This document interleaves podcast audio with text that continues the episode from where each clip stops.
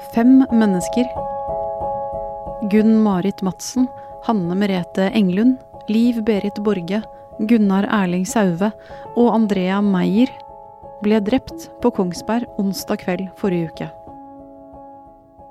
Men Espen Andersen Bråten, som har innrømmet å stå bak, var bare i avhør hos politiet det første døgnet etterpå. Siden da har han vært helsevesenet sitt ansvar. Så nå er spørsmålet hvor syk han var onsdag kveld, og ikke minst om drapene kunne ha vært forhindret. Du hører på Forklart fra Aftenposten. Jeg heter Marte Spurkland, og i dag er det tirsdag 19. oktober. Ingunn Røren, du er journalist i Aftenposten og har vært mye i Kongsberg siden forrige onsdag. Hvordan ser det ut i området hvor drapene skjedde? I Hyttegata, det er altså så idyllisk som det kan få blitt. Det er masse gamle trehus som ligger på rekke og rad. Og det er en sånn koselig liten gågate med gallerier og kunstnere som bor der. Fine farger på husene, og så har du Numedalslågen som ligger rett på nedsiden. Så flere av husene her har jo hager som går helt ned til elven. Men klokka 18.12 onsdag kveld får politiet den første meldingen om at noe er galt i dette området med alle de fargerike trehusene. En mann er inne på Coop Extra på Kongsberg, og han skyter med pil og bue. Det er fortsatt mye som må avklares rundt akkurat hva som skjedde etter det.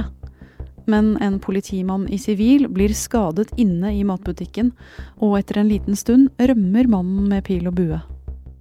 Riktig klokken 6.20.22. Litt før halv sju den kvelden sitter tre venner på en studenthybel i første etasje rett ved hyttegata. Eh, vi satt eh, i stua. Han satt på telefon i, på sofaen, mens meg og andre studenten satt og jobbet litt med matte. Det er to av dem, Mohammed Shaban og Ibrahim Safuri, som forteller om det som skjedde. Eh, plutselig så var det noe smell i vinduet vårt som var halvåpent. Og da så jeg bare ansiktet hans. Ansiktet til en mann. Og da sa han bare 'Hvem er det? Hvem er det?' Oi, hva holder han i hånda? Så han så veldig aggressiv ut. Og så han hadde med seg en ting som var langt og svært. Og så jeg så på at uh, han prøvde å åpne vinduet og kompisene bestemmer seg for å løpe inn på soverommet. Da løper vi for å gjemme oss.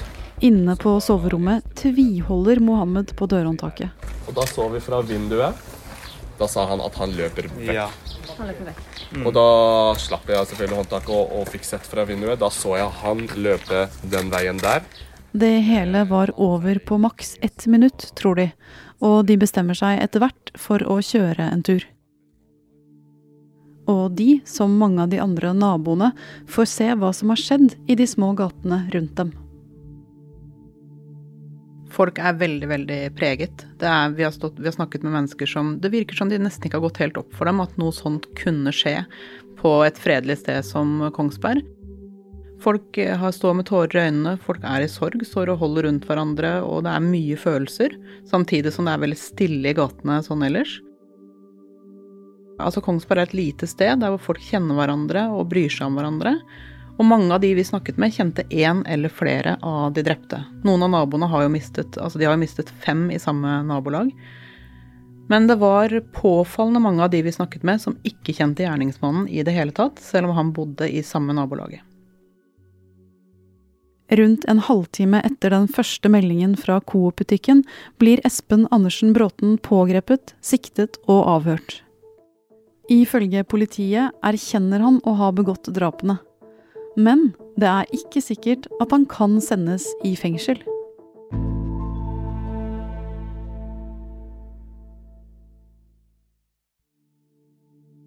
Torsdag forrige uke, dagen etter drapene på Kongsberg, sa PST at hendelsene fremsto som en terrorhandling, men at det trengtes nærmere avklaring rundt gjerningspersonens motiv. Det ble også kjent at Espen Andersen Bråten i 2017 hadde postet to videoer på YouTube hvor han bl.a. sa at han var en budbringer, og at han var muslim. Og spekulasjonene begynte. Men dagen etter, på fredag, uttalte politiet at hypotesen om et religiøst motiv for de fem drapene var svekket, og at den sterkeste hypotesen om motivet hans var sykdom. Den hypotesen som er styrka mest de første dagene av etterforskninga, det er at bakgrunnen er sykdom. Per Anders Johansen, du følger denne saken for Aftenposten. Nå skal jo sakkyndige gjøre det som heter en full judisiell vurdering av Bråtens psykiske tilstand. Hva innebærer det? Det betyr at eh, det nå blir gjort en grundig undersøkelse av hans sinnstilstand, og hvis man kommer frem til at han ikke var tilregnelig da han drepte fem mennesker i Hyttegata og skadet flere andre på onsdag, så betyr det at han ikke kan eh, dømmes til fengsel. Og så skal han da undersøkes av sakkyndige over en ganske lang periode. Eh, hva går en sånn undersøkelse ut på? De kommer til å snakke med han en rekke ganger. Det er jo avhengig av hans tilstand, selvfølgelig, men vi vet f.eks. fra en del andre store saker at det kan være snakk om samtaler, en, en 10-20 samtaler over flere timer, hvor han får en rekke spørsmål som går på alt om fra selve handlingen, men også hva han tenker og, og, og mener om, om, en rekke andre forhold. Og, og Psykiaterne og psykologene har jo en rekke eh, spørsmålsskjemaer og metoder her for å gå inn og finne ut om de har å gjøre med en, en person som er um, alvorlig psykisk syk, og som har da så alvorlige lidelser at han ikke er tilregnelig og rett og slett kan kan stilles til ansvar for det han har gjort. Tidligere er flere gjerningspersoner i brutale drap blitt vurdert som psykisk syke. I 2003 ble Valdresekspressen kapret i Fagernes, og den 39 år gamle bussjåføren ble drept med kniv. Føreren av eh, bussen ble stukket ned mens kjøretøyet var i fart, men han klarte å stoppe, og dermed reddet han antagelig livet til passasjerene. Før kapringen hadde gjerningspersonen også drept en person ved asylmottaket i Fagernes. Han ble vurdert som psykotisk i gjerningsøyeblikket. Mannen som året etter angrep fem personer med kniv på trikken på Bislett i Oslo, og drepte én, ble vurdert som paranoid schizofren og utilregnelig. Mens mannen som drepte en 67 år gammel kvinne med øks på en kirkegård i Haugesund i 2019, ble vurdert som psykotisk. Ei årelang historie med rus og psykisk sykdom. Det er bakgrunnen til mannen som er sikta for drap etter økseangrepet i Haugesund i går. Alle tre ble dømt til tvungen psykisk helsevern i stedet for fengsel.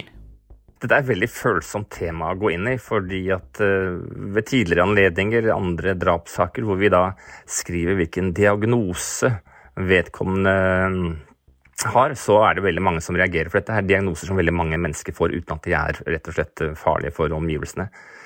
Paranoid schizofreni og, og alvorlige sånn, psykoser som gjør at de rett og slett ikke forstår hva som skjer rundt dem, er jo, er jo, er jo det vanlige. og det er og uh, I tillegg er det også flere andre form for alvorlige vrangforestillinger som gjør at psykiaterne mener at en person rett og slett ikke kan stilles til ansvar for det han eller hun har gjort. Veldig få psykisk syke mennesker blir farlige, men noen gjør det. Og de som blir vurdert som farlige, må ofte behandles, enten de vil eller ikke. I 2019 ble rundt 4000 mennesker i Norge underlagt tvangsbehandling for psykiske lidelser. Tvang er jo et alvorlig inngripen i et menneskes liv, og ser vi på utviklingen i lovverket de siste årene, så er det jo helt klart at eh, ja, den sittende, eller denne forrige regjeringen, Stortinget, har jo ønsket at man skulle bruke eh, mindre tvang. For det har på en måte vært to veldig viktige hensyn som har stått imot hverandre her. På ene siden så har vi jo menneskerettighetene og helt grunnleggende rettsprinsipper som skal beskytte oss mot å bli utsatt for ulovlig tvangsbruk fra staten. Og på andre siden har du hensynet til å beskytte samfunnet, altså samfunnsvernet, mot at eh, personer som Espen Bråten begår de grufulle handlingene han begikk i forrige uke. Hva vet vi, og hva vet vi ikke da om Bråtens sykdomshistorie? Vi har jo snakket med mange barndomsvenner som forteller at han hadde en, eh, en lang historie med eh, ulike psykiske problemer, eh, narkotikabruk, også tyngre narkotiske stoffer. En av de første hendelsene som en del kommer inn på, er jo et innbrudd på ungdomsskolen om sommeren, hvor han rett og slett raserte og begikk alvorlig hærverk i tredje etasje. Eh, han har også en eh, dom på seg for eh, å ha mm, truet foreldrene med, med drap, og da ble han idømt besøksforbud. Det vi også vet, er at en gang tidlig på, tidlig på året i fjor så var han involvert i en mindre alvorlig forbrytelse. Politiet ville ikke si hva. Og da eh, ble dommeren eh, mistenkelig og stilte seg selv spørsmålet ved om Espen Bråten var tilregnelig. Var det noen tidspunkter hvor han kunne fått bedre oppfølging? Dette er jo et spørsmål som alle som jobber med psykisk helsevern i eh, Kongsberg nå stiller seg. Ved DPS-en, dommeren, fastlege og andre som var involvert. Det vi vet, var jo at en en sakkyndig fikk i fjor da ca. 30 minutter, en time på seg til å ha en samtale med eh, Andersen Bråten for å finne ut om denne tvilen dommeren fikk, var, var reell. Normalt så bruker jo en sakkyndig bare tre til seks timer på en sånn foreløpig prejudisiell observasjon. Og dersom han, hadde, han eller hun hadde ment at at det var alvorlig tvil ved Andersen Bråtens sinnstilstand, så hadde han jo blitt underlagt en, full rettspsykiatrisk undersøkelse som starter nå denne uken her. Men det skjedde altså ikke. Nå skal jo sakkyndige inn igjen og vurdere om Andersen Bråten er syk. Hva er det de skal finne ut? Det Andersen Bråten skal gjennom nå, er jo en meget omfattende undersøkelse. Det skal være to sakkyndige. De kommer til å ha en rekke samtaler med han. Kanskje en, en 10-20 timer samtaler. De bruker ulike typer skjemaer og metoder for å komme til bunns i hans, hans sykdomstilstand. Og dersom de mener at han er utilregnelig, så må jo da dommeren til syvende og sist ta stilling til det. Men hvis han blir erklært for utilregnelig, så kan han ikke dømmes til fengsel, men eh, må dømmes til eh, tvungent psykisk helsevern. Eh, er det lett å sette noe endelig strek under det svaret? Ja, altså dersom Andersen Bråte nå viser seg å være utilregnelig Dette er jo det som blir en, det store spørsmålet nå de neste ukene så kommer dette til å utløse en stor debatt om uh, psykisk helsevern, og om, om sam samfunnsvernet i Norge er uh, godt nok ivaretatt. Dette vil være en av de mest alvorlige sakene hvor en person som da eventuelt er syk, begår grufulle handlinger uten at han ble plukket opp på forhånd. Eh, og eh, hva som kommer ut av denne prosessen, gjenstår å se, men allerede så har jo flere mm, vært ute og reist spørsmål ved om det er for vanskelig å bruke tvang i, i Norge i dag. Eh, mange av vennene til Andersen Bråten sier jo at han ikke fikk noen behandling. Men situasjonen er jo så den at hvis han selv ikke ville ha behandling, så skal det veldig mye til før man kan bruke tvang mot en person som han.